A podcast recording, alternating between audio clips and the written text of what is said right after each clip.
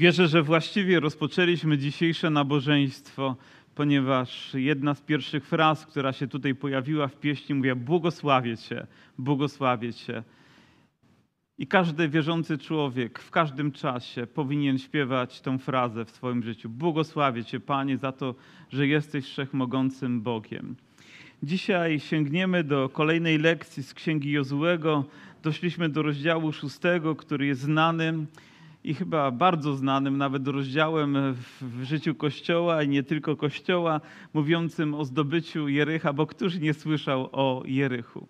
Nawet nie wiem, czy wiecie, że ponoć jest to jedno, czy było kiedyś jedno z najstarszych miast na świecie, że ono zostało założone dawno, dawno. Nie chcę sięgać tutaj i operować liczbami, bo nie one są najistotniejsze, ale to było najstarsze miasto, jedno z najstarszych miast na świecie. Poczytałem troszeczkę na temat tego miasta, żeby lepiej rozumieć kontekst, żeby lepiej rozumieć to, co wydarzyło się, gdy Izrael miał wkroczyć i miał posiąść to miasto, miał je zdobyć, jak wielka rzecz, jak wielka chwała się tam objawiła. I poczytałem też na temat archeologii, takich odkryć, które potwierdzałyby to. I to tak jak w świecie, mamy jedno i drugie stanowisko. Jedno mówi, że tak, drugie mówi, że nie. Pierwsze odkrycia mówiły, że nie ma potwierdzenia, inne mówiły, że są i to w nawet bardzo szczegółowy sposób. Ale mimo wszystkich tych rzeczy medialnych usłyszałem kiedyś wypowiedź pewnego profesora, który powiedział to z ogromną pokorą, a ja te lekcje zapamiętałem do dnia dzisiejszego i mam nadzieję, że będę pamiętać. On uczył tego swoich studentów i myślę, że dobrze uczył i powiedział im tak. Ludzie, którzy studiowali historię, mówi, pamiętajcie, że od prawdy historycznej ważniejsza jest prawda biblijna. Dlaczego? Bo zawsze ta historia, którą my znamy, zmienia się, przynajmniej zrozumienie nasze się zmienia przez różne odkrycia, które się dokonują, ale prawda biblijna jest tak i amen na wieki wieków. A więc to, co jest opisane w Biblii, wierzę, że miało miejsce, ale nim sięgniemy do tego, gdy będziemy wchodzić razem z Izraelem i będziemy odczuwać to, co się wydarzyło i brać z tego lekcje, chciałbym, żebyśmy pewną lekcję też przyswoili z piątej Księgi Mojżeszowej, w której Bóg już przygotowywał swój lud na to, że będą staczać różnego rodzaju boje. I chyba również jest to oczywistą rzeczą dla nas, ludzi wierzących, że wszyscy możemy, musimy toczyć duchowe walki, prawda, że tak? Musimy też rozumieć, że gdy Biblia mówi o wrogach, mówi o wozach, mówi o innych rzeczach, to wiemy, że nie toczymy walki z ludźmi, nie toczymy walki przeciwko jakimś machinom wojennym, ale jest to duchowa walka, którą staczamy. Ale oto lekcja z 20 rozdziału 5 Księgi Mojżeszowej mówi tak – gdy wyruszysz na wojnę, czyli jakby zakłada, bo mówi, wyruszysz na wojnę po prostu i ty również będziesz staczać duchowe walki przeciwko swoim nieprzyjaciołom, zobaczysz, że koni i wozów wojennych i wojska jest u nich więcej niż u ciebie, to nie bój się ich, gdyż jest z tobą Pan, Bóg Twój, który, który cię wyprowadził z ziemi egipskiej. Myślę, że w tym słowie zawiera się zasada. Gdy ruszamy na wojnę, nie powinniśmy się koncentrować na okolicznościach. Na tym, co jest, że to jest większe, że to może nas dominować, ponieważ tak, nasze serce zacznie topnieć. Nie koncentruj się na okolicznościach.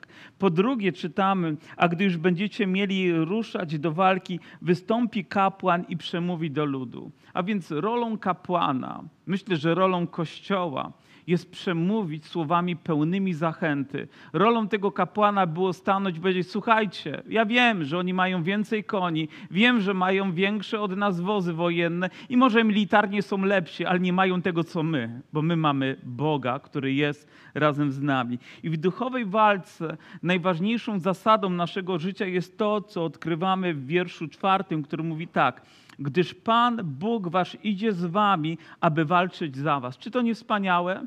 I myślę, że ta sama zasada dotyczyła Izraela, który za chwileczkę będzie staczał walkę. I ta świadomość powinna im nieustannie towarzyszyć, tak jak i nam, że razem z nami jest nasz Bóg. I ta wojna nie należy do nas, ale należy do Niego. Amen. I On będzie nas strzegł.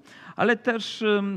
Musimy pamiętać o innych ostrzeżeniach, i one pojawia się na przykład tutaj w wierszu ósmym, który mówi tak: Niech nadzorcy jeszcze dalej mówią do wojowników tak, jeżeli ktoś bojaźliwy i lękliwego serca niech idzie z powrotem do swego domu, niech nie osłabia serca swoich braci jak swoje. I zasadą, którą jest, która wynika z tego wiersza, jest to, że nie powinniśmy zastraszać innych ludzi. Nie powinniśmy ulegać lękowi i nie zarażać nim innych. Nie powinniśmy rozgłaszać złych wieści. Okej, okay, masz problemy, to najlepiej, żebyś próbował je przezwyciężać, ale nie obarczaj ich in, nimi innych. I myślę, że dzięki temu my, którzy jesteśmy zachęceni do tego, żeby iść dalej, będziemy mieli serce pełne wiary i ufności.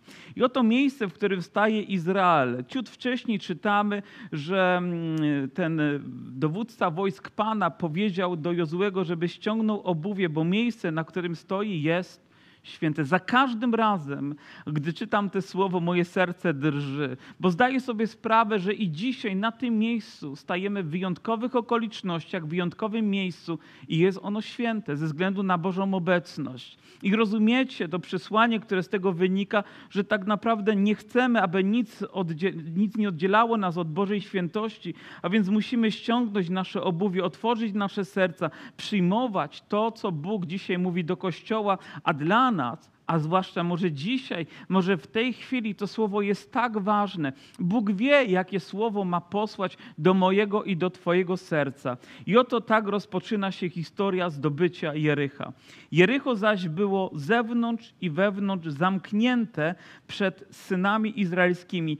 Nikt nie mógł ani wejść, ani wyjść.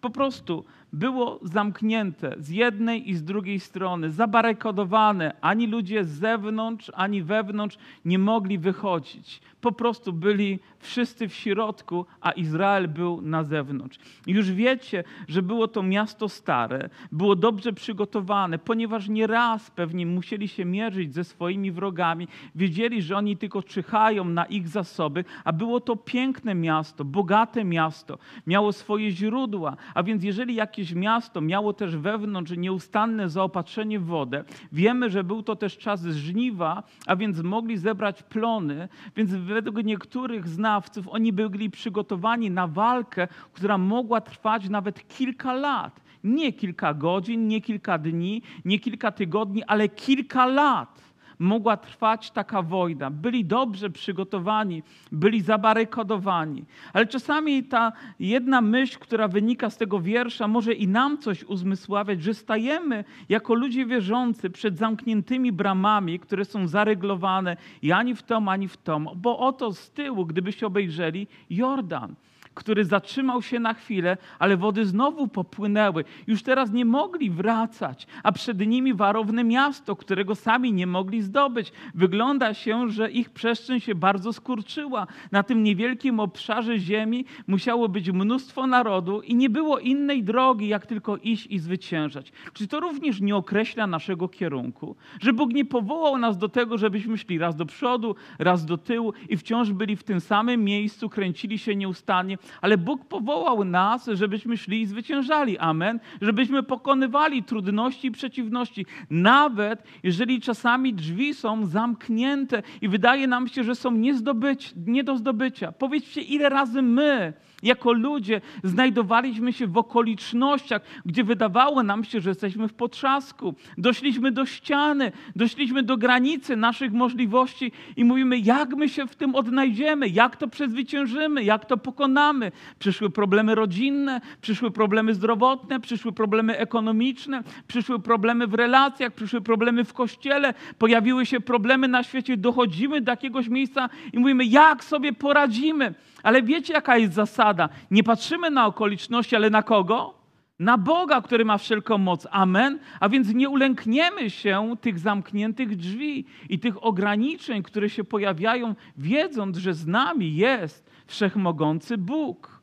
I oto kolejna rzecz, która wynika z następnego wiersza. Wtedy Pan rzekł do Jozłego, oto oddaję w Twoje ręce Jericho, jego króla i wszystkich jego wojowników gdzie najlepiej mieć już to w garści. A tu jest obietnica, którą Bóg daje i którą przez wiarę teraz Jozue powinien przyjąć, że Bóg mu daje zwycięstwo nad tym miastem. Ile obietnic w Bożym Słowie zapewnia nas, że kolejnego dnia w kolejnym wydarzeniu będziemy mieli tego samego pełnego mocy Boga. I tak trudno nam jest wciąż na nowo przechodzić czasami przez te same lekcje, wiedząc, że one już nieraz się sprawdziły w naszym życiu, nieraz miały miejsce w historii Izraela. Mówi: Oto oddaję w Twoje ręce Jericho.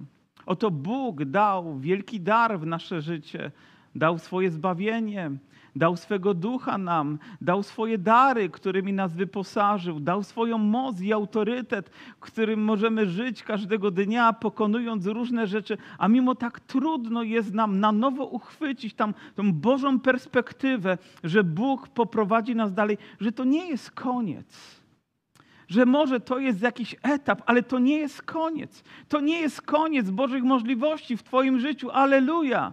Nie doszedłeś do kresu. Bóg poprowadzi cię dalej. Tak jak swój lud, tak jak swój kościół. Czasami musieli przejść przez więzienie, przez prześladowania i trudności, ale ręka Boga nigdy się nie odwróciła od swojego ludu. Nie musieli patrzeć tylko na stęchłe mury więzienia, ale wiedzieli, że jest światło, którym jest Chrystus i On poprowadzi ich dalej. Amen? I tak samo jest w naszym życiu. W odniesieniu do nas możemy Bogu całkowicie, całkowicie zaufać. I wtedy Bóg dał bardzo precyzyjne polecenie, w jaki sposób Izrael to ma wykonać. Z jednej strony sytuacja, trudność, która jest większa. Czytaliśmy, wozy ich mogą być większe, mury mogą być warowne, ale mają patrzeć na Boga. O tym pewnie pamiętali. Oto nie ma już odwrotu, bo wody się za nimi zamknęły. Nawet ponoć jest y, jakiś zapisek y, w pismach, y, że w tamtym czasie Jordan przestał płynąć na 24 godziny, że jest to zapisek sprzed 1200 lat przed Chrystusem, e, nawet 1300 lat przed Chrystusem, że Jordan na 24 godziny. W jakichś pismach arabskich ktoś doszukał się takiego stwierdzenia właśnie w tym miejscu. Ciekawe, prawda, że wydaje się to taki zbieg okoliczności, ale to jest również pewne potwierdzenie faktu biblijnego, który ma tutaj miejsce i ja wierzę, że takie rzeczy po prostu się wydarzają. Obejdziecie miasto wokoło wy wszyscy wojownicy, okrążając je jeden raz tak będziesz robić przez sześć dni. Siedmiu kapłanów nieś będzie przed skrzynią siedem trąb z baranich rogów. W siódmym dniu zaś obejdziecie miasto siedem razy, a kapłan będzie trąbić na baranich rogach. Oto wydaje się dziwne polecenie, że przez sześć dni, ja wiem, tyle razy uczyliśmy się, tyle razy na szkółce, to może nawet już słyszałeś w młodości swojej, tyle razy kazanie na ten temat było, ale próbuję poczuć to, będąc wojownikiem, będąc rozgrzanym do walki, trzymając jakiś miecz, gotowym, żeby ruszyć, nagle taki hamulec jakby ze strony Boga, że nie, nie rzucisz się od razu na to miejsce, ale przez sześć dni będziesz w milczeniu szedł razem z kapłanami, razem ze skrzynią przymierza, że tylko trąby będą się odzywać, a ty będziesz w milczeniu szedł i szedł i szedł. I każdego dnia jedno kółeczko w koło i do obozu. Jedno kółeczko w koło i do obozu. Wiecie, zajmuje to kilka sekund, żeby powiedzieć nawet sześć razy, ale to jest sześć dni w milczeniu. I nim my jako Kościół czasami się odezwiemy, nim zabierzemy zdanie, nim podniesiemy nasz głos, powinniśmy posłuchać tego, co Bóg ma do powiedzenia. Powinniśmy zanurzyć się w modlitwie, powinniśmy posłuchać Boga w naszych sercach, powinniśmy zdać się całkowicie na Niego, że każda ta runda miała jakiś cel, który Bóg wyznaczył. I dzisiaj my tak pochopnie postępujemy, tak nagle, nie dajemy sobie czasu, nie dajemy przestrzeni, o już to musi być. I myślę, że ta niecierpliwość wkrada się w nas bardzo szybko. Nasze dzieci chcą mieć natychmiast, my chcemy mieć wszystko natychmiast. Ja pamiętam, nie wiem, jak pierwsze komputery weszły, ile było trzeba czekać, aż się otworzył system. Wydaje się, że w dzisiejszych czasach to wieki trwało. A to trwało, nie wiem, kilka minut może, może kilkanaście, trzeba było zgrać czasami z jakiejś dyskietki i czasami gdzieś jeszcze po drodze albo, albo nawet z taśmy magnetofonowej, takiej kasyciaka i po drodze jeszcze kilka razy się zawiesiło, kilka razy wywaliło, a mimo to człowiek był cierpliwy. Pamiętacie takie czasy? A dzisiaj chcemy tak szybko, w duchowym znaczeniu również musimy zachować pewną rozwagę i mądrość Powinniśmy skupić się na modlitwie i okazać Bogu posłuszeństwo. Jeżeli On mówi sześć razy, to sześć razy. Sześć dni to sześć dni. Sześć okrążeń to sześć okrążeń. Gdy mówi do Twojego serca, to Twoją rolą jest być wierny. Nie wiem, do czego zostałeś powołany, jaką służbę Pan ci dał, co chciałbyś w niej osiągnąć, ale najważniejszą zasadą Twojego życia jest być wierny w małym, w tym, do czego Cię Bóg powołał. Tego dnia powołał Cię, żebyś zrobił rundę. Nic wielkiego, nic duchowego, nic spektakularnego, a mało tego, może jeszcze z murów słyszeli jakieś gwizdy, śmiechy, szyderstwa ze strony żołnierzy, którzy tam pewnie widząc wojsko izraelskie naśmiewali się, choć ich serce mówiło co innego, ale pewnie tak się zachowywali, a oni w milczeniu i w pokorze musieli to znosić i znosić i znosić i znosić. Ale przyjdzie czas, kiedy Bóg będzie triumfować. Przyjdzie czas, kiedy Bóg odpowie. Mówi, siódmego dnia przejdziesz ile razy? Nie jeden, nie dwa, nie pięć, a siedem razy. Jeżeli dobrze potrafię liczyć, jeżeli tu było siedem, a tam było sześć, to w sumie ile jest? Trzynaście razy. O, co za fajna liczba, prawda? 13 razy. Wielu ludzi wierzących czasami nawet są przesądni i wierzą, że trzynastka może być szczęśliwa i nie chcę tutaj takiej nauki próbować promować. Ale jedna zasada jest zawsze i ją powtarzam. Wierzący nie są przesądni, bo to przynosi pecha. Także na pewno nie jesteśmy przesądni. Wierzymy, że jeżeli Bóg chce sześć dni, to będzie sześć dni. Siedem dni, to siedem dni, prawda? Jeżeli trzynaście, to trzynaście. I my się z tym zgodzimy. Amen? Będziemy Bogu ufać w każdym czasie. Nie będziemy polegać na to, w jaki sposób świat chce nas ograniczyć, ale na tym, co my robimy. Nie wiem, nie rozumiem takich zwyczajów, że ludzie się boją przez próg przywitać, albo kod im przeleci, to już zawrócą. Ludzie kochani, jesteśmy chrześcijanami, jesteśmy Bożymi dziećmi. Ufamy po prostu Bogu i polegamy na Nim. I żaden przesąd nie ma nad nami mocy. Żaden przesąd nie ma mocy, bo Bóg daje nam wolność i zwycięstwo w swoim imieniu. Amen? I tak samo, jeżeli trzeba 13 razy, to 13 razy będziemy. Na 13 piętrze tam zamieszkamy. Pod numerem 13 też zamieszkamy. Tak, wy mieszkacie, błogosławieni jesteście. Chwała Bogu za to, że nasze serca mogą być w tym wolne. Ja wiem, że to, powiem, nie jest taka bezpośrednia lekcja z tego, ale czasami takie lekcje potrafią zabrać nam wiele pokoju w naszych sercach. Ale to, co jest istotą, to to, że tam była skrzynia przymierza, która mówiła o mocy Bożej, o Jego manifestacji, o Jego wielkości, o Jego potędze, o wszystkim, co można było tylko odnośnie Boga powiedzieć, to tam się zawierało.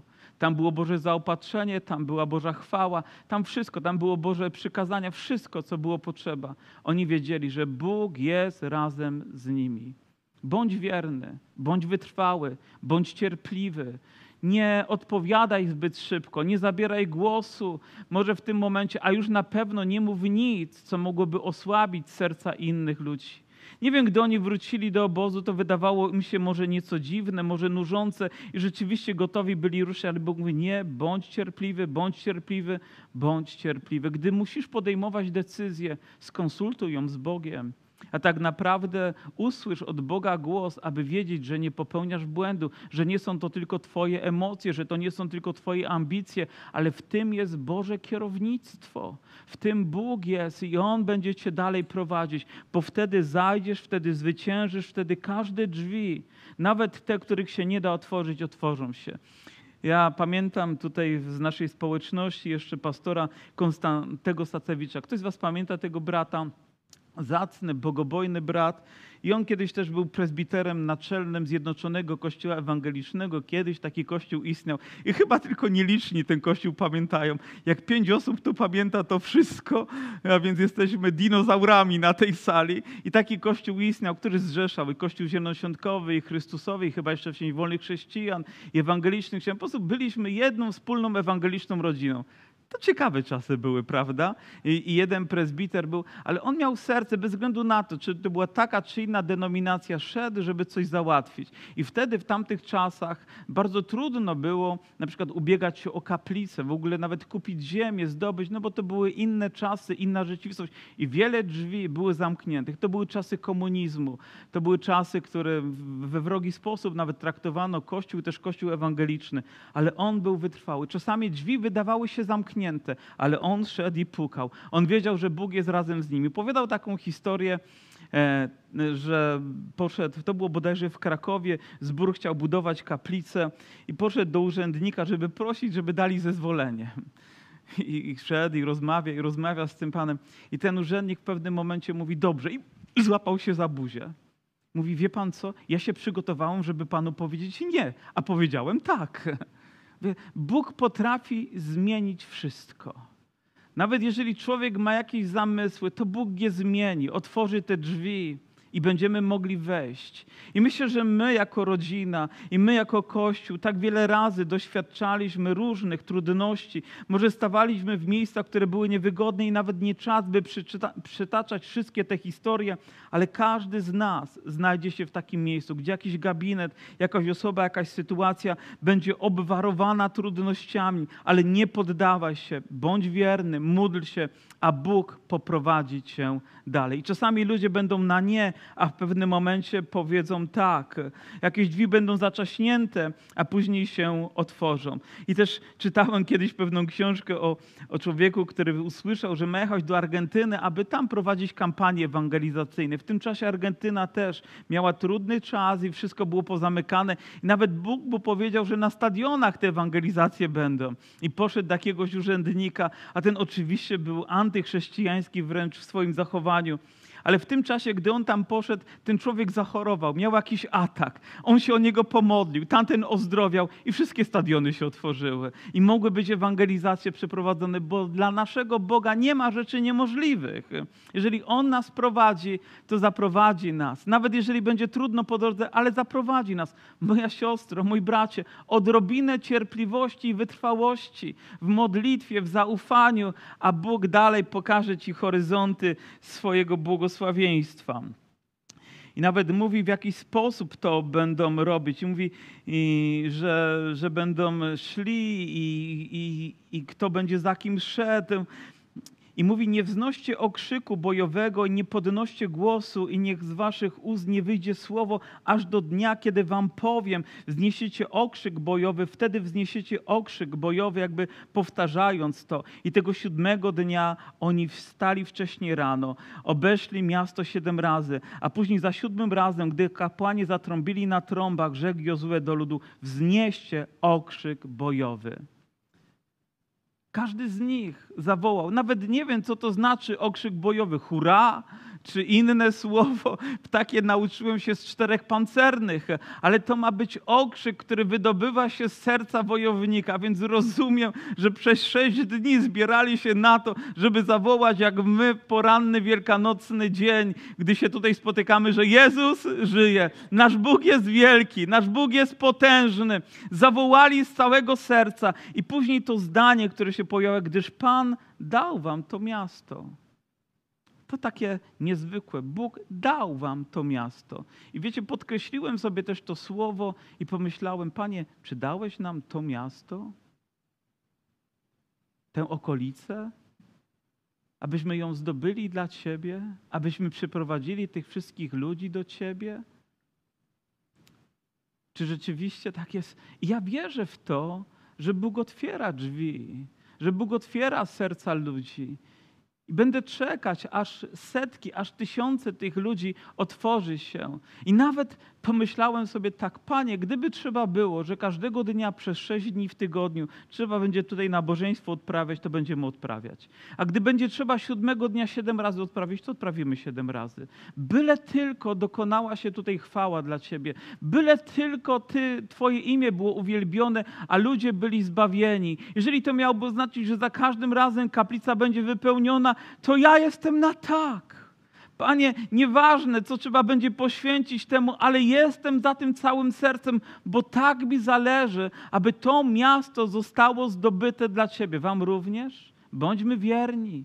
Bądźmy wytrwali, bądźmy cierpliwi, polegajmy na Bożym Słowie, przyjmujmy takie obietnice do naszego serca i myślmy o nich we dnie i w nocy, bo to miasto należy do Ciebie.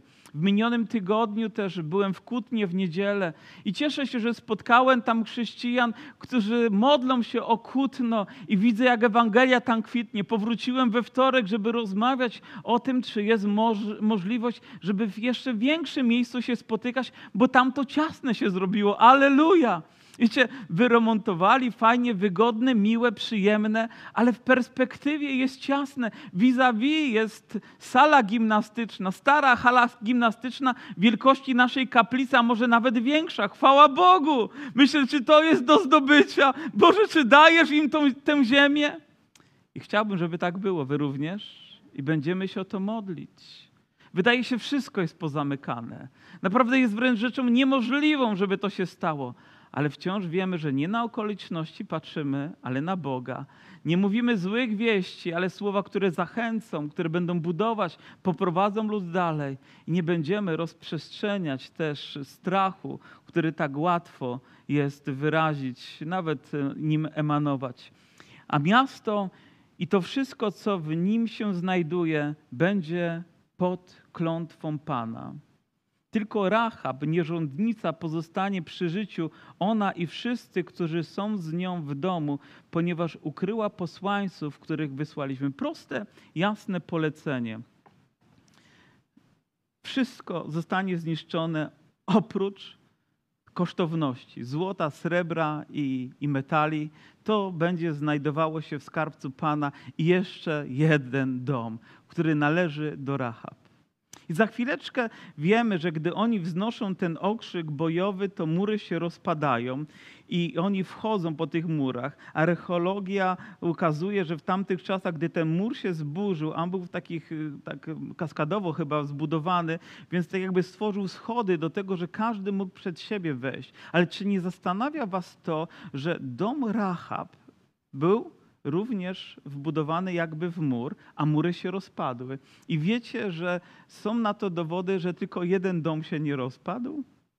Ciekawe, prawda? Że gdzieś tam pozostała ta mała izdebka, w której mieściła się Rahab i mieściła się też jej rodzina, jej najbliżsi. Dlaczego? Bo okazała przychylność, bo ukryła wywiadowców. Innymi słowy, ona ostała się, ponieważ została jej okazana łaska.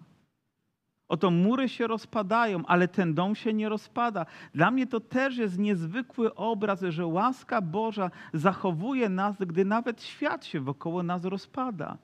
Jedynym warunkiem było to, że ani ona, ani nikt z jej rodziny nie wyjdą na zewnątrz, bo gdyby wesz, wyszli, to byłby ich koniec. To, że byli i to, że my jesteśmy uratowani, to również jest gwarancją tego, że jesteśmy w łasce, że jesteśmy pod Bożą łaską, że jesteśmy pod ochroną, że jesteśmy zanurzeni w naszego Pana Jezusa Chrystusa. On nas będzie strzec, On będzie strzec naszego wejścia i naszego wyjścia, On będzie naszą ochroną. I nie wiem jeszcze, co się wydarzy, ale wiem, że ta historia nie jest przypadkowa, że w ten sposób Bóg okazał swoje zmiłowanie i również zabronił tym, tym żołnierzom, aby co cokolwiek złego stało się tej ko kobiecie.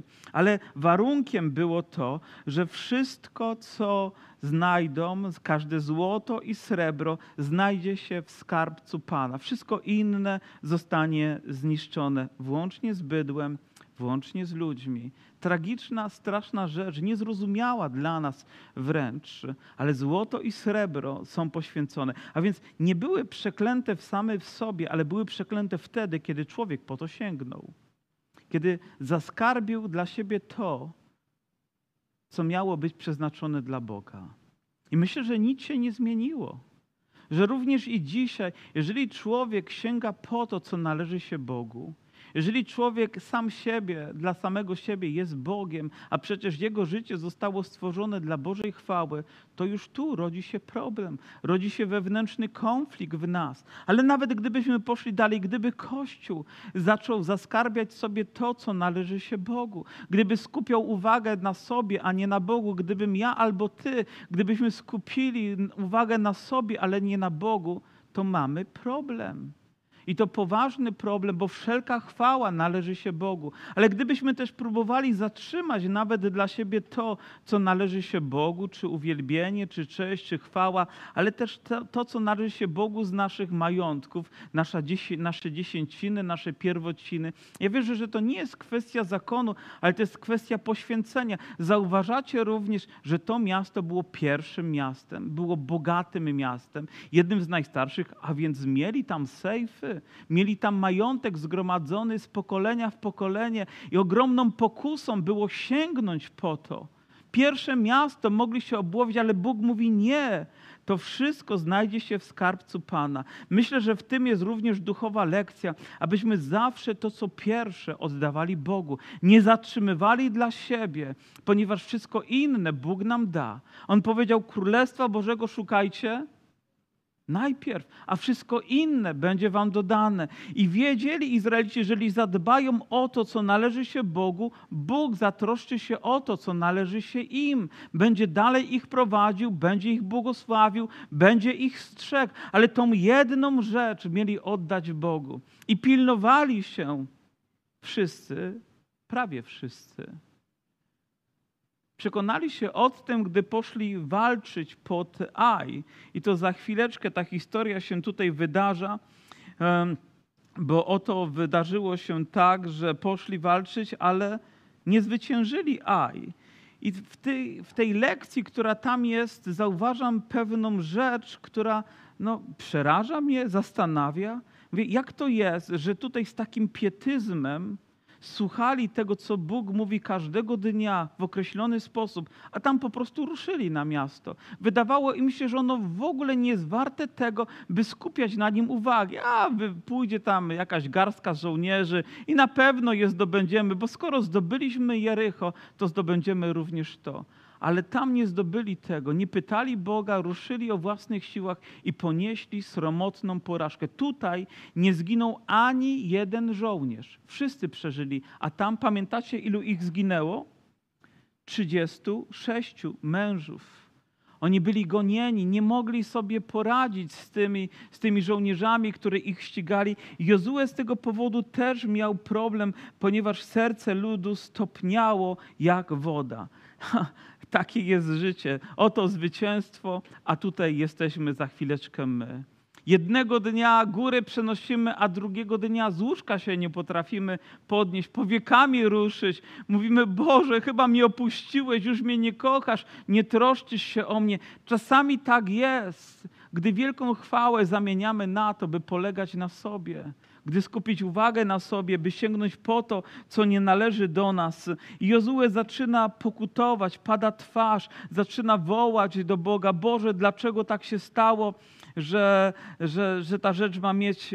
Panie, cóż mam powiedzieć? No wi wiadomo, że Izrael się odwrócił od, na, od Boga, że sięgnął po to, co zakazane i Bóg powiedział, wstań, czemu leżysz twarzą do ziemi? Przyszedł czas, kiedy Bóg go podniósł, bo powiedział, że naród izraelski sięgnął po to, co zostało obłożone klątwą. I skracając nieco tę historię, dowiadujemy się, że był to człowiek, który na imię miał Achan. Został wydobyty ze swojego rodu, później rodzinami stanęli, stanęli rodami, stanęli rodzinami i los padł na Achana. I spytano go, jak to się stało, że po to sięgnąłeś? A on wtedy mówi tak, ujrzałem wśród łupów piękny płaszcz babiloński, dwieście sykli srebra, jedną sztabę złota wagi pięćdziesięciu sykli. Zapragnąłem ich i zabrałem je. I zakopał je przy swoim namiocie. Najpierw ujrzał, w jego sercu powstało pożądanie, sięgnął po nią i powstał problem. Ale czyż nie tak wygląda właśnie duchowa walka, że gdy nasza porządliwość oczu spłynie do naszego serca i tam zrodzi się pokusa i nasza ręka zostanie wyciągnięta i sięgniemy po to, mamy problem?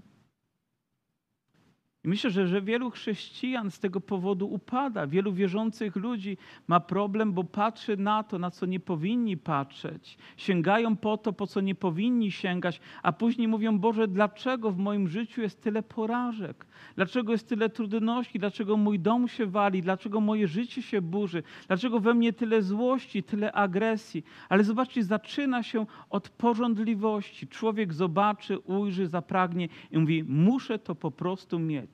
Ja wiem, że był spragniony tego, żeby coś posiadać. Wiem, że to było piękne i to było wartościowe, ale Bóg powiedział: Będzie to należeć do mnie.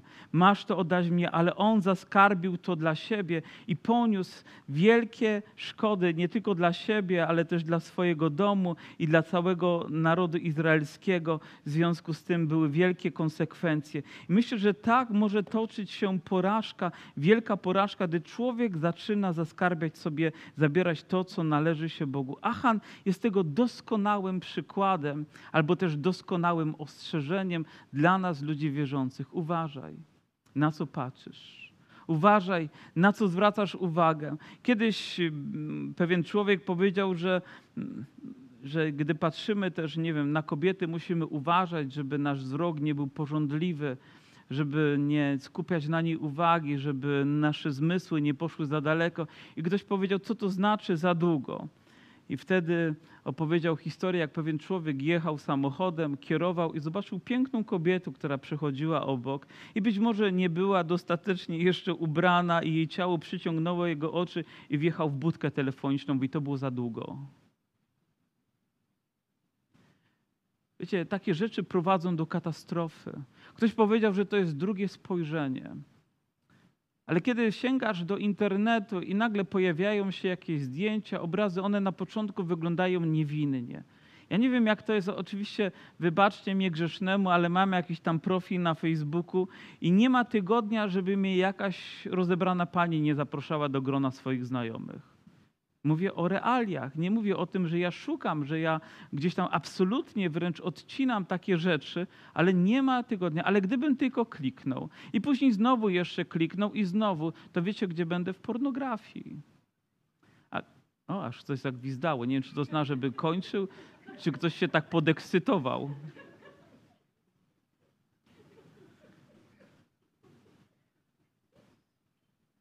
Ale wiecie, w jakim niebezpieczeństwie wtedy jesteśmy? Ponieważ kiedy raz zobaczysz, będziesz chciał tam powrócić, będziesz to zwalczał, ale jeszcze raz powrócisz, bo Twoja porządliwość została uruchomiona i znowu porządliwość została uruchomiona, i w pewnym momencie możesz stracić wszystko może stracić swoją relację z Bogiem, może stracić relację ze swoim małżonkiem, może stracić relację z przyjaciółmi. Wszystko może stracić w jednej chwili, bo uruchomiłeś swoją porządliwość, sięgnąłeś po to, co zostało zabronione. Nie dlatego, żeby cię czegoś ograbić, ale po to, żebyś mógł żyć szczęśliwie, bo Bóg ma dla ciebie coś piękniejszego, coś, co kryje się w Jego łasce, coś, co kryje się w Jego słowie, coś zarezerwowane dla ludzi wierzących i z czym możemy się cieszyć i czym możemy błogosławić błogosławić nasze małżeństwa, ale jeżeli to zostanie przekraczone, masz naprawdę problem.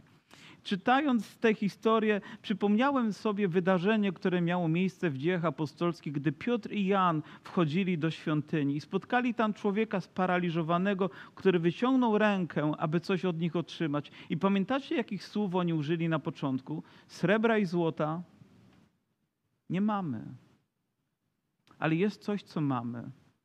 I to nie znaczy, że musimy być biednymi ludźmi, którzy nie mają srebra i złota, ale to może pozbawić nas czegoś o wiele ważniejszego w naszym życiu. Kiedy uruchomi się porządliwość, kiedy pycha się odezwie, nasza porządliwość zacznie skutkować w naszym życiu, pozbawić nas coś, czego nie możemy dać innym i czego też nawet nie możemy dać samym sobie ale oni w tym momencie tak, tego nie mamy. Może oddali to Bogu, może oddali na ofiarę, może w inny sposób, ale nie mamy tego. Kościół nie opiera się na złocie i srebrze. Oczywiście, że dobrze, gdy możemy tym dysponować w znaczeniu, że używać dla Bożej chwały. Dobrze, że możemy, nie wiem, jakieś misje wspierać, że możemy ewangelizację prowadzić, rachunki zapłacić. Może też i nową siedzibę jeszcze zbudować dla naszego zboru, czy nową kafejkę, co mamy też w planach. Dobrze, że możemy, ale to nie jest najważniejsze najważniejsze, obyśmy nie stracili tego, co najważniejsze, gdybyśmy za tym gonili.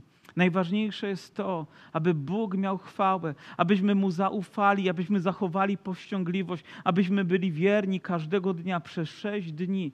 To nie tylko siódmy dzień, gdy przychodzisz na nabożeństwo. Wtedy nie ma zwycięstwa. O, jesteś na jednym nabożeństwie, aleluja, przeżyję. Nie każdego dnia musisz okazywać wierność. Każdego dnia powinieneś żyć z Bogiem. Każdego dnia w zrozumieniu naszym powinna towarzyszyć nam Arka Przymierza. Każdego dnia powinniśmy się modlić do Boga, a przyjdzie dzień, kiedy On okazuje swój triumf w naszym życiu. Kiedy On odezwie się wielkiej mocy i chwale w życiu swojego Kościoła. Amen. Nie musimy mieć srebra i złota, by być szczęśliwi, ale gdy mamy Pana, mamy wszystko, co jest potrzebne do tego, żeby prowadzić zwycięskie życie i obyśmy tego nie zostali pozbawieni. I o tym zapomniał Izrael, gdy ruszył pod Aj.